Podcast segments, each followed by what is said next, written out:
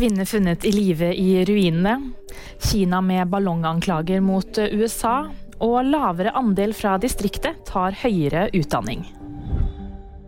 En kvinne er hentet ut av ruinene i Tyrkia i live én uke etter de dødelige jordskjelvene. Det melder CNN Turk.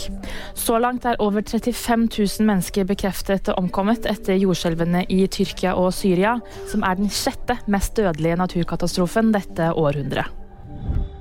Kinas utenriksdepartement kommer med ballonganklager mot USA. De hevder de har oppdaget amerikanske spionballonger i Kinas luftrom uten tillatelse ti ganger siden i fjor. Det skriver Reuters.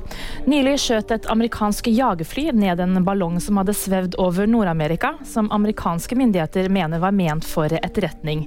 Kina på sin side hevdet at ballongen var en sivil værballong. Personer fra distriktene tar i mindre grad høyere utdanning enn folk fra byene. Det viser ferske tall fra Statistiske sentralbyrå. Mandag publiserte de en oversikt som undersøker forskjellene på utdanningsvalg og gjennomføring, basert på hvor studentene er vokst opp i landet.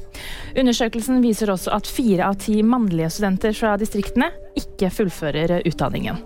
VG-nyheter fikk du av meg, Anna Julie Bergesen.